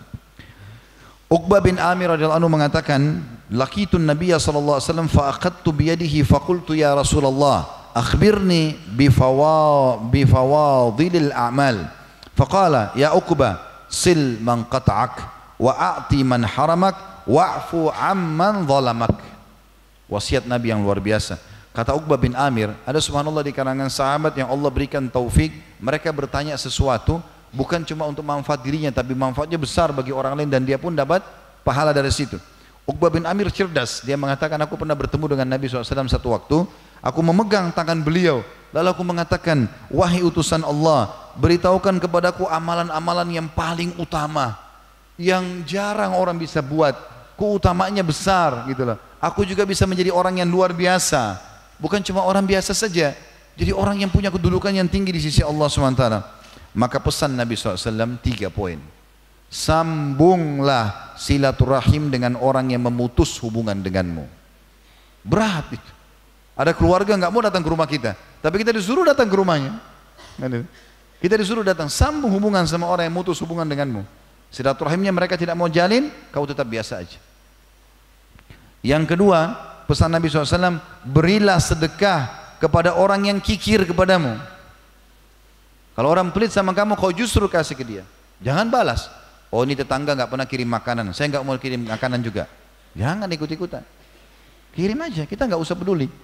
Kita sedang bermuamalah sama Allah SWT. Ini di sekitar kita cuma variabel hukum saja Allah hubungkan. Oh ada hubungannya sama tetangga, sama teman, sama orang tua, sama segala macam. Kita bermuamalah dengan Allah SWT. Wahai suami istri, fahamlah sebagai suami dan istri, kita bermuamalah sama Allah. Pasangan kita ini hanya Allah amanahkan saja. Jadi Allah seperti pesankan, wahai para istri, ini suamimu ya, layani dia, patuhi dia, karena aku, aku yang balas kamu. Gak usah lihat suaminya. Kalau kita lihat suami kita, ada kadang kita jengkel sama dia di waktu-waktu tertentu, kecewa mungkin. Tapi ternyata Allah hubungkan hukum dari tangan dia inilah Nabi SAW mengatakan siapa pun istri yang meninggal dunia lalu suaminya ridho maka kecuali dia masuk dari delapan pintu surga yang mana dia mau. Oh ternyata Allah hubungkan variabel hukum dengan orang ini. Hubungan saya sama Allah ada ada nikmat kita syukuri, ada cobaan kita sabari. Begitu juga kalian atau kita ini suami, gitu kan? Kalau kita mau ikutin istri, kita udah setengah mati kerja, keringatan, terus dikasih uang, minta uangnya marah-marah lagi. Hmm? Mana uang bulanannya? Padahal hasil dari keringat kita. Minta duit mau makan tapi marah-marah kadang-kadang. Tapi Allah subhanahu wa ta'ala memang menjadikan ini loh istrimu atau amanahkan ya. Bekasih dia makan, kasih dia minum, kasih pakaian, kasih rumah. Hidupin dia sebagai ganti ayahnya. Karena aku, aku akan balas kamu. Hubungan kita sama Allah. Maka tidak ada kekecewaan. Gitu kan? Karena kita tahu, oh kalau datang pun cobaan berarti Allah lagi ingin menguji saya. Begitu juga dengan anak, begitu dengan orang tua, begitu juga dengan lingkungan kita. Muamalah seorang mukmin dengan Tuhannya Allah. Maka ini pesan yang kedua. Pesan yang ketiga, ini jadi saksi bahasan kita dan maafkanlah orang yang telah menzalimimu. Orang yang buat kezaliman, maafin. Nanti antara kita sama Allah. Saya sudah bilang tadi, nggak usah khawatir teman-teman. Kalau dia tidak melakukan dia tidak melakukan perbuatan untuk tobat sama Allah dan meminta maaf sama kita, mengembalikan hak kita, dia tetap dihukum. Tapi kita tugasnya maafin, walaupun dia tidak tahu itu. Karena ini antara kita dengan Allah subhanahu wa ta'ala. Maka ini perlu difahami teman-teman. Pernah satu kali juga terjadi pada Abu Bakar radhiyallahu anhu Jadi ada satu orang sepupu beliau dan ini sudah pernah saya sebutkan di tablik akbar dulu ya, tetapi saya ulangi lagi riwayat ini diriwayatkan Imam Bukhari di nomor 2661 dan Imam Muslim nomor 2770, Imam Tirmidzi 3230. Bahwasanya pada saat Aisyah radhiyallahu anha difitnah bahwasanya dia berzina ya dengan uh, Safwan radhiyallahu anhu majma'in Nabi SAW naik di atas mimbar Lalu mengatakan kepada para sahabatnya, kenapa ada yang menyakiti aku di keluargaku dan sahabatku? Aku Nabi SAW tidak sebut nama istrinya Aisyah, tapi orang semua tahu. Itu adab yang sering Nabi contohkan. Nabi mengatakan, kenapa ada yang menyakiti aku di istriku dan atau di keluargaku, di istriku dengan uh, sahabatku? Aku tidak tahu kecuali kebaikan dari mereka. Istriku ini selalu aku tahu kebaikan dari dia, tidak pernah ketemu interaksi sama laki-laki yang bukan mahram. Dan sahabatku ini tidak pernah masuk rumahku kecuali dengan bersama dengan aku. Maka kenapa harus difitnah gitu kan? Akhirnya sahabat pada berdiri, ada yang mengatakannya Rasulullah kami tahu siapa pelakunya. Tinggal anda suruh kami perintahkan kami kami penggal lehernya.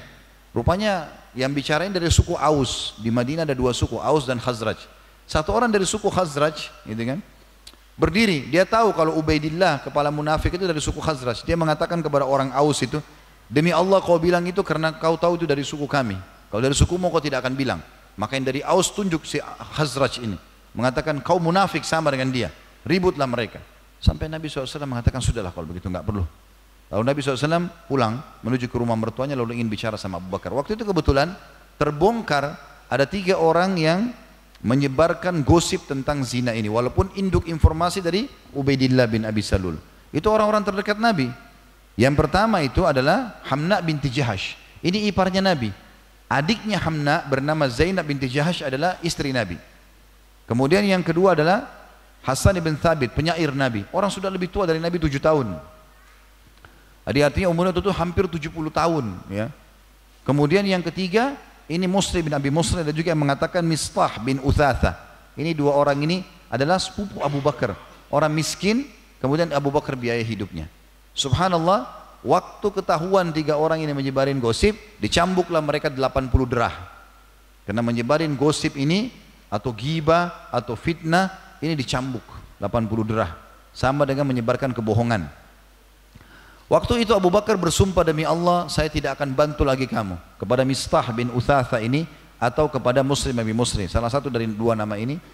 Maka turunlah firman Allah Subhanahu wa taala dalam surah An-Nur ya yang berbunyi A'udzu billahi minasyaitonir rajim wa la ya'tali ulul fadli minkum was-sa'ati ay yu'tu ulil qurba wal masakin wal masakin wal muhajirin fi sabilillah wal ya'fu wal yasfahu ala tuhibbuna ay yakfirallahu lakum wallahu ghafurur rahim Janganlah kata Allah SWT orang-orang yang telah kami lapangkan untuk mereka rezeki. Mereka melarang untuk memberikan bantuan kepada kaum kerabat mereka, orang-orang miskin, muhajir di jalan Allah. Maka hendaklah mereka wal ya'fu wal yasfahu. Ya'fu tadi sudah saya bilang adalah memaafkan sementara mampu untuk menghukum. Hendaklah mereka memaafkan, ya'fu.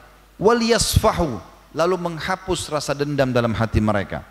Ala tuhibbuna lakum? Tidakkah kalian suka dengan cara itu memaafkan orang lain, membersihkan dada kalian dari dendam itu?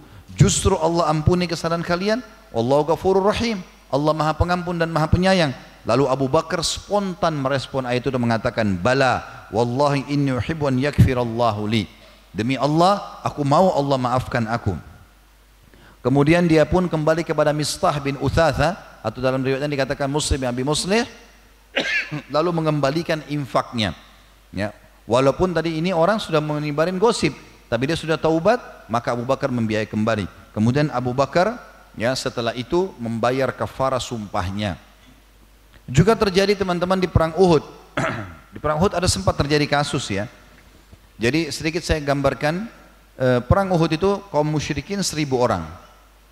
Kaum muslimin, maaf, eh, kaum musyrikin tiga ribu orang, kaum muslimin 700 orang. Tadinya 1000 tapi 300 orang orang munafik kembali ke Madinah, sisa 700. 50 orang ditaruh di Gunung Pemana, 650 di kancah peperangan. Terjadi kecambuklah peperangan pada saat itu. Nabi SAW mewasiatkan ke 50 pemana jangan turun dari bukit ini sampai kalian sampai kalian dapat instruksi dari aku. Ya kata Nabi SAW menang atau kalah. Rupanya di awal peperangan muslimin menang. 2000 sekian musyrik ini melarikan diri, 2800 orang. Mereka 3000 orang. 200 orang ada sempat sembunyi di lembah. Ada sebuah lembah dekat bukit pemana itu untuk memantau peperangan. Larilah mereka semua. Banyak harta rampasan perang. Rupanya dari 50 pemanah Nabi di atas bukit pemana ini ada 43 orang yang turun.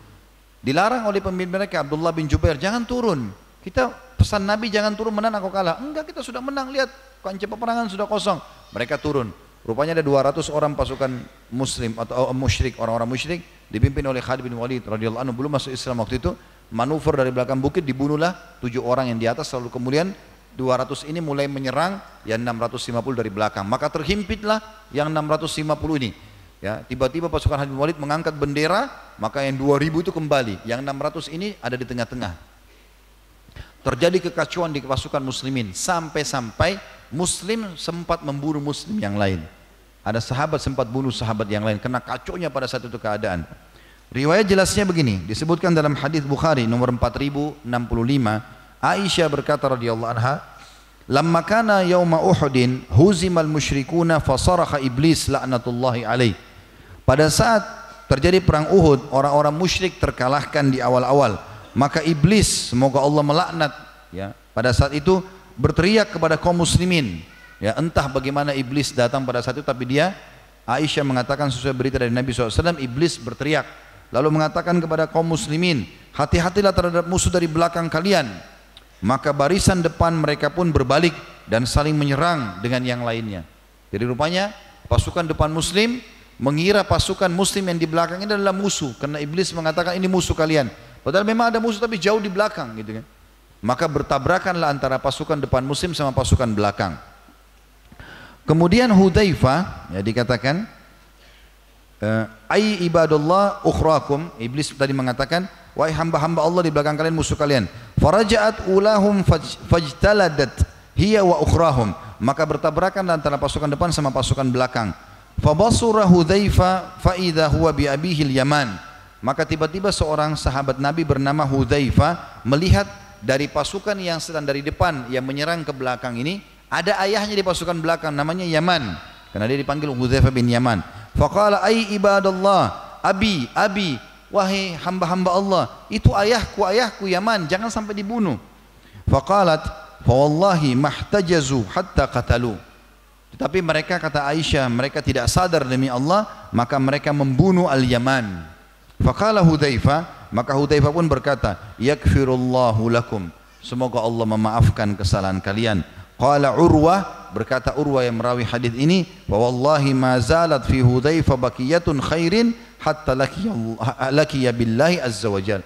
Dan karena sifat baiknya Hudzaifah, dia memaafkan siapa pun yang membunuh ayahnya, maka Allah membukakan baginya kebaikan-kebaikan sampai dia meninggal dunia. Dalam riwayat Ibnu Ishaq disebutkan, faqala Hudzaifah, Hudzaifah pun berkata, "Qataltum abi." Kalian telah membunuh ayahku padahal dia muslim. Qalu wallahi ma arafnah. Maka pasukan depan muslim mengatakan demi Allah kami tidak kenal dia. Kami kira pasukan musuh. Wasadaku dan mereka jujur dengan itu. Faqala Hudzaifah maka Hudzaifah berkata, "Yakfirullahu lakum." Semoga Allah maafkan kalian. Fa'arada Rasulullah SAW ayyadiyahu. Maka Nabi SAW ingin membayar dia. Dia ini kayak denda ya. Kalau seseorang membunuh orang lain, ada diahnya, ada dendahnya namanya. Kita sengaja nggak sengaja, maka hukumannya ada denda. Kalau sengaja hukumnya kita dibunuh hukum mati juga. Kalau tidak sengaja bayar denda, tergantung kesepakatan. Nah, Nabi SAW waktu itu ingin membayar, membayarkan sahabat yang salah bunuh Yaman ini kepada Hudzaifah, anaknya Yaman. Ini loh dibayarkan. Maka yang terjadi sebagai bentuk ya pemaafan Hudzaifah waktu dia terima dia itu fatasaddaqa Hudzaifah bidiyatihi alal muslimin. Maka waktu dia terima denda ayahnya itu dia malah bersedekah kepada muslimin. Fazadahu dzalika inda Rasulillah sallallahu alaihi wasallam khaira. Maka karena perbuatan itu kebaikannya atau kedudukannya makin tinggi di sisi Rasulullah sallallahu alaihi wasallam. Hadis ini diriwayatkan oleh Imam Bukhari nomor 6883. Kata sebagian ulama, Hudzaifah telah mengamalkan firman Allah Subhanahu wa taala dalam surah An-Nisa ayat 92 yang berbunyi illa ayyasaddaqu kecuali jika mereka keluarga yang terbunuh itu bersedekah. Imam Bukhari juga meriwayatkan atau menyebutkan ayat ini dalam satu bab khusus dalam sahihnya yang judulnya Al-Af'u fil khata'i ba'dal maut. Bab tindakan wali memaafkan pembunuhan salah sasaran setelah meninggalnya si mayit. Maka dia karena ingin mendapatkan pengampunan Tuhannya, maka dia pun akhirnya memaafkan. Padahal Hudzaifah bisa mengambil uang itu, halal buat dia. Ya, tetapi subhanallah dia malah mensedekahkan kepada orang lain. Dan sekian banyak kisah yang berhubungan dengan masalah ini. Di antaranya juga Uqbah bin Amir, seorang ulama tabi'in rahimahullah. Beliau subhanallah difitnah jadi pernah ada satu orang, orang ini kebetulan orang non muslim tapi di bawah naungan pemerintah Islam, dikenal dengan ahli zimmah. Ahli zimmah ini orang Nasrani atau orang non muslim, waktu itu kebetulan dia Nasrani di bawah naungan pemerintah Islam. Maka dia lagi diseret Nasrani itu dengan satu polisi, tarik dengan keras diseret di jalan-jalan. Orang semua pada lihat. Lalu orang Nasrani mengatakan, wahai muslimin, Ingatlah perjanjian damai di antara kita. Jangan saya disiksa begini. Kalau orang zimmi nggak boleh kita ganggu. Ya, orang muslim di bawah naungan pemerintah Islam nggak boleh kita ganggu. Kalau dia tidak buat masalah. Ya tiba-tiba ini tetangga saya Nasrani matikan aja listriknya. Kan kebetulan Nasrani nggak boleh dalam Islam. Haram gitu kan. Maka dia teriak-teriak lalu lewatlah Uqbah bin Amir lalu mengatakan sebentar hai polisi ya. saya mau bicara sama orang ini dia bilang tidak ada urusan kamu, kata polisi itu. Kebetulan polisi ini tidak kenal siapa Uqbah bin Amir ini. Dia ulamanya tabi'in, gitu kan. Ulama besar terkenal dengan kesolehannya. Maka dia mengatakan tidak, saya harus bicara. Dia, sambil jalan akhirnya dia bilang, kenapa kau ini? Apa kau bayar jizyahmu? Kau bayar enggak dendamu ke pemerintah? Dia bilang iya. Jizyah orang kafir yang tidak mau masuk Islam dia bayar jizyah. Iya saya bayar. Apa kau suka dengan pekerjaan? Kau mau dibawa ke mana? Lalu si polisi itu jawab sambil diseret nih. Saya akan bawa dia ke kebunnya kepala polisi untuk dia kerja, bersihkan kebun itu. Sambil jalan Uqbah mengatakan, apa kau ridho dengan perbuatan itu? Dia bilang tidak, saya enggak ridho. Karena perbuatan itu sangat berat bagi saya. Dan itu dikasih upah yang sangat kecil. Maka Uqbah bin Amir tiba-tiba cabut imamahnya, dicantol ke badannya orang non muslimin lalu ditarik sama dia. Dia mengatakan, lepaskan orang ini. Maka polisi mengatakan, tidak, saya tidak akan lepaskan. Ribut ini. Nah orang-orang di sekitar situ tahu siapa Uqbah bin Amir ulama. Mereka ikut-ikutan akhirnya. Akhirnya sampai polisi ini melepaskan. Polisi ini nggak tahu, gitu kan? Dia juga bukan orang yang berilmu orang ini, maka dia buat laporan kepada pimpinannya laporan yang tidak masuk di akal. Mulailah dia buat berita-berita tentang Uqbah bin Amir. Apa beritanya? Uqbah bin Amir kebetulan tidak mau menikah dia. Dia tidak mau menikah. Menurut dia pribadi, walaupun menikah sunnah Nabi SAW, dia tidak menikah karena dia ingin beribadah kepada Allah. Dia merasa dengan dia tidak menikah, maka ada banyak beban-beban yang tidak ada padanya. Walaupun ini kata ulama, semestinya dia menjalankan sunnah Nabi SAW. Dia tidak memungkiri pernikahan, tapi dia menunda pernikahan ya sampai pada saat itu karena dia ingin lebih fokus ibadah. Kemudian dia tidak makan daging kecuali sedikit sekali.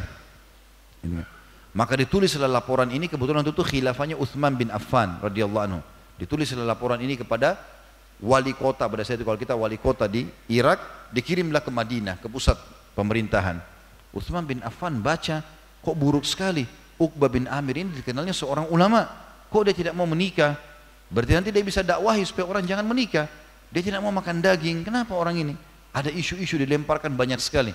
Maka kata Uthman bin Affan menulis surat lagi kepada wali kota Irak pada saat itu, datang uh, datangkan Uqbah bin Amir tanya, kenapa dia lakukan ini?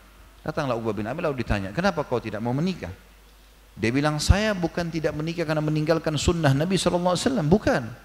Tapi sampai sekarang detik ini, saya belum membuka pintu itu karena saya masih ingin merasa ibadah sendirian. Saya takut terganggu nanti ibadah saya. Tapi ke depan Allah alam saya tidak tahu. Tapi sampai detik ini saya belum menikah untuk itu. Kenapa kau tidak makan daging?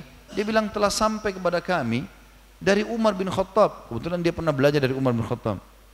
Pernah ada teman kami sedang jalan ke pasar, di antara tabi'in maksudnya sama-sama muridnya Umar bin Khattab, jalan ke pasar lagi pengen beli daging. Begitu dia beli daging, pulang ketemu sama Umar. Umar bin Khattab lagi lewat. Umar tanya, dari mana kamu? Dari pasar. Apa yang kau buat? Saya beli daging. Maka Umar mengeluarkan sebuah statement sebagai nasihat saja. Umar mengatakan, apakah semua yang kau inginkan kau beli? Maka saya, kalau ada daging saya makan. Kalau enggak ada saya tidak sengaja mencarinya. Dan sekian banyak syubhat yang dijawab oleh dia. Pada saat saya tidak teringat semuanya, tapi ada banyak syubhat.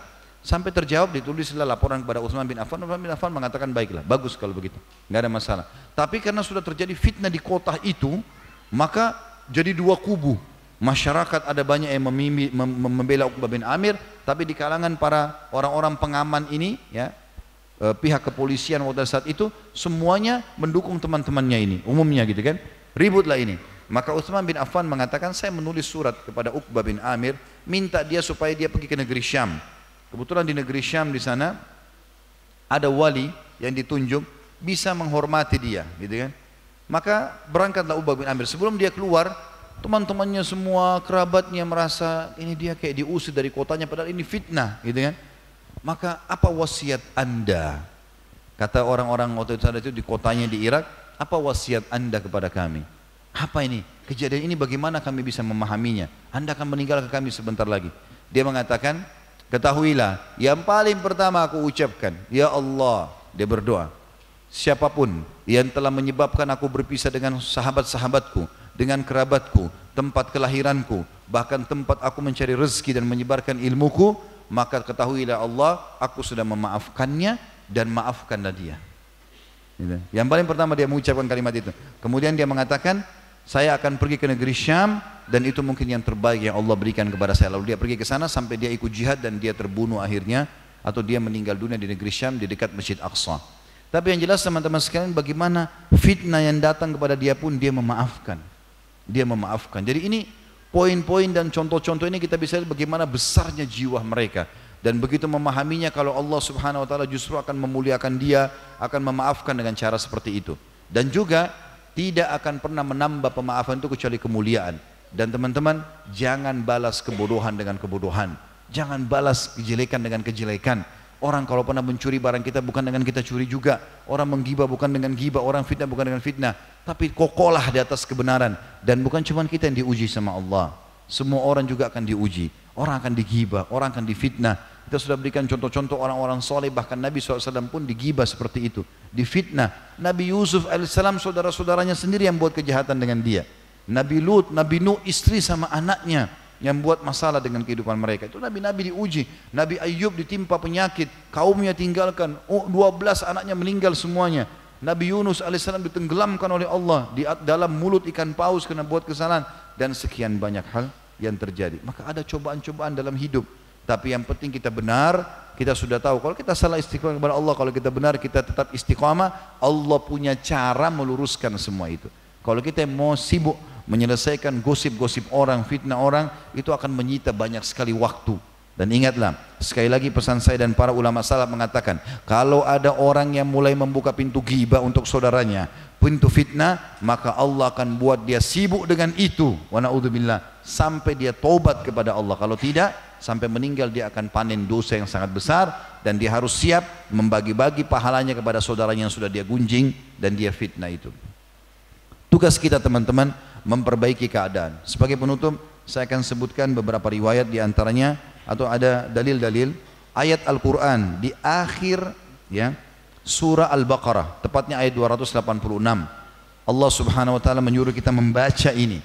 Bahkan kata Nabi SAW, siapa yang membaca akhir ayat-ayat terakhir Al-Baqarah ini Allah akan menjadi pencukup baginya dan apa pun di situ yang dia minta Allah akan kabulkan. Tapi di antara yang berhubungan dengan bahasan kita masalah pemaafan, minta maaf atau minta tobat kepada Allah atau maafkan orang ini masuk dalam firman Allah Subhanahu wa taala. Rabbana la tu'akhidna in nasina aw akhtana. Rabbana wa la tahmil alaina isran kama hamaltahu ala alladhina min qablina. Rabbana wa la tuhammilna ma la taqata lana bi. Wa'fu anna waghfir lana warhamna. Anta maulana fansurna 'alal qaumil kafirin.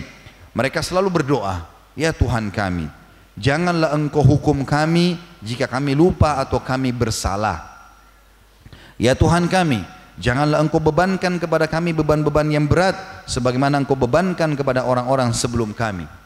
Ya, maksudnya kalau ada orang-orang justru yang mendahului kami dalam kesalahan, jangan sampai kami terjerumus hal yang sama. Termasuk masalah ini. Kalau orang terlanjur gosipin, ya fitnah segala macam, mereka dahului kita dalam kemaksiatan. Jangan sampai kami ikut-ikutan dengan itu ya Allah. Ya Tuhan kami, janganlah engkau pikulkan kepada kami apa yang tidak sanggup kami memikulnya. Berilah maaf kepada kami ampunilah kami dan rahmatilah kami. Sesungguhnya engkau penolong kami maka tolonglah kami terhadap kaum yang kafir. Juga Ibnu Umar berkata radhiyallahu anhu di dalam hadis sahih diriwayatkan oleh Abu Daud nomor 4239 dan Ibnu Majah nomor 3871 kata Ibnu Umar anhuma lam yakun Rasulullah SAW yada' haula'id da'awat hina yumsi wa hina yusbih Nabi Muhammad SAW tidak pernah meninggalkan potongan doa ini pada saat tiba pagi dan sore hari. Doanya adalah Allahumma inni as'alukal afiyah fid dunya wal akhirah. Allahumma inni as'alukal afwa wal afiyata fi dini wa dunyaya wa ahli wa mali. Allahumma astur awrati wa amin rawati. Wa min khalfi wa an yamini wa an shimali wa min fawqi wa a'udhu bi'azamatika an ugtala min tahti. Rasulullah SAW tidak pernah meninggalkan doa-doa ini di waktu sore dan pagi hari. Yang artinya Allah, aku memohon kepadamu keafiatan dunia dan akhirat. Selalu aku selamat dari apa pun yang tertimpa atau menimpa orang-orang di dunia dan di akhirat. Ya Allah, sungguhnya aku memohon kepadamu maaf dan keafiaan dalam agama dan duniaku. Kalau aku buat salah, maka maafkanlah aku. Dan mudahkan aku juga memaafkan. Dalam keluargaku dan hartaku. Ya Allah, tutuplah aurat-auratku. Kalau aku punya kesalahan-kesalahan, tutuplah itu dan amankanlah rasa takutku. Ya Allah jagalah aku dari depan dan belakangku. Kalau aku berhasil selamat dari godaan syaitan dari depan, jangan sampai dari belakang kena. Dan juga dari kanan dan kiriku, serta dari atasku. Dan aku berlindung kepada kebesaranmu untuk tidak ditipu dayakan dari bawahku. Maksudnya kena gempa ataupun bencana alam. Juga dalam penutupan riwayat teman-teman sekalian dikatakan, dan hadis ini diriwayatkan oleh Imam Muslim tepatnya di nomor 486 Abu Daud nomor 865 Aisyah berkata radhiyallahu anha faqattu Rasulullah SAW lailatan minal firashi faltamastuhu fawaqa'at yadi ala batni kadamaihi wa huwa fil masjid wa huwa mansubatan wa huma mansubatan wa huwa Aku pernah kehilangan Nabi SAW di ranjang pada malam hari. Nabi tidak ada di ranjang. Lalu aku coba mencarinya dengan telapak tanganku. Kebetulan kamar Aisyah Rahna itu ada temboknya, ada pintu langsung ke masjid. Nabi SAW kadang-kadang kalau sholat di kamar Aisyah karena sempit, boleh pindah ke masjid. Tapi supaya Aisyah gampang mengetahuinya, Nabi ada pas dekat pintu masjid. Maka Aisyah memegang dan tangannya masuk ke dalam pintu masjid, dipeganglah dua kedua telapak kaki Nabi SAW. Kemudian aku mendengarkan Nabi membaca doa. Dan doanya adalah, Allahumma inni a'udhu, Allahumma a'udhu biridaka min sakhatik wa bi mu'afatika min 'uqubatik wa a'udzu bika minka la uhsi thana'an 'alaik anta kama athnaita 'ala nafsik. Ya Allah aku berlindung dengan keridhaanmu dari murkahmu. Jangan sampai apa yang aku lakukan ini justru karena murkahmu. Atau kalau ada sesuatu yang menimpaku jangan sampai karena itu murkahmu dan dengan pemaafanmu dari siksamu kalaupun aku penyebabnya maka maafkan aku ya Allah dan aku berlindung kepadamu dari azabmu Aku tidak bisa menghitung pujian untukmu. Engkau adalah engkau adalah atau sebagaimana engkau memuji untuk dirimu sendiri. Sebagai penutup teman-teman sekalian, kita harus memahami urusan kita dengan Allah Subhanahu wa taala. Kapan kita menjaga hubungan sama Allah, Allah akan perbaiki semua urusan dengan makhluk. Dikatakan dalam sebuah hadis yang sahih, kalau seorang hamba berbuat perbuatan yang membuat Allah ridha, walaupun seluruh manusia membencinya, Allah akan balik orang-orang untuk menyukainya. Dan kalau seandainya seseorang berbuat satu perbuatan yang diridhoi oleh manusia, tapi mengundang murkahnya Allah, Allah akan balik manusia untuk membencinya. Ingat, muamalah sama Allah kunci segalanya. Kapan kita tahu diri kita salah, beristighfar kepada Allah. Kapan kita benar, istiqomah saja, sudah selesai dan jangan pernah balas keburukan dengan keburukan dan maafkanlah orang lain agar dosa-dosa kita juga dimaafkan. Allahu alam. Ini bahasan kita insyaallah. Baik karena sudah menjelang asar insyaallah mudah-mudahan kita cukupkan sampai sini. Mudah-mudahan majlis kita diberkahi oleh Allah subhanahu wa ta'ala dan dijadikan sebagai tambahan amal kita pada hari kiamat. Semoga apa yang sudah pernah kita kerjakan, yang sedang kita kerjakan dan akan kita kerjakan dari amal soleh semuanya diterima dengan pahala yang sempurna dan juga semoga seluruh dosa tidak terkecuali yang pernah kita kerjakan besar ataupun kecil sengaja tidak sengaja samar ataupun nyata diganti oleh Allah dengan kemahamurahannya menjadi pahala. Dan semoga Indonesia menjadi negara yang aman, tentram, damai. Seluruh umat Islam di bawah naungan ukhuwah Islamiyah diangkat perselisihan di antara mereka dan dalam hal um, dalam hal ibadah mereka kembali kepada Al-Quran dan Sunnah. Dan semoga Allah juga melunasi utang negara-negara negara kita ini dan mengangkat setiap permasalahan yang sedang diujikan kepada kita terutama bagi teman-teman kita di Lombok, di Palu, di Banten dan di wilayah-wilayah yang lainnya. Dan semoga ini Allah SWT tidak sebarkan ke seluruh wilayah Indonesia karena dosa-dosa kita. Dan semoga Allah SWT mengangkat permasalahan mereka juga mengembalikan harta-harta mereka dan terima para syuhada mereka. Dan kita berdoa untuk saudara kita di Palestina, di Syria, di Yaman, di Irak, di Myanmar, di Ahsa bahkan sekarang di Cina yang sedang tertindas semoga Allah ikhlaskan niat mereka terima para syuhada mereka mulakan Islam di tangan mereka dan tangan kita semua dan semoga Allah ikut sertakan kita bersama mereka di pahala baik dengan doa dengan harta juga dengan jiwa kita dan semoga Allah dengan kemahamurahannya menyatukan kita semua di surga firdausnya tanpa hisab mana disalukan dalam majlis ilmu yang mulia ini. Sebelum kafaratul majlis sekali lagi kami ucapkan jazakumullahu khairan kepada sahibul bait dan sahibul hajat ini Pak Wali Kota dan keluarganya dan seluruh jajarannya juga seluruh teman-teman panitia yang sudah uh, menjalankan dengan sangat baik dan mudah-mudahan diikhlaskan niatnya dari awal pengajian kita dari beberapa hari lalu sampai puncak tablik akbar kemarin di Al-Markas dan juga hari ini insya Allah semoga ini semua menjadi tambahan amal saleh dan juga ini bisa Allah SWT menjadikan ilmu yang bermanfaat dan Allah berikan juga kesempatan kita di waktu-waktu yang akan datang وصلى الله على نبينا محمد والحمد لله رب العالمين سبحانك اللهم بحمدك أشهد أن لا إله إلا أنت أستغفرك وأتوب إليك wassalamualaikum warahmatullahi wabarakatuh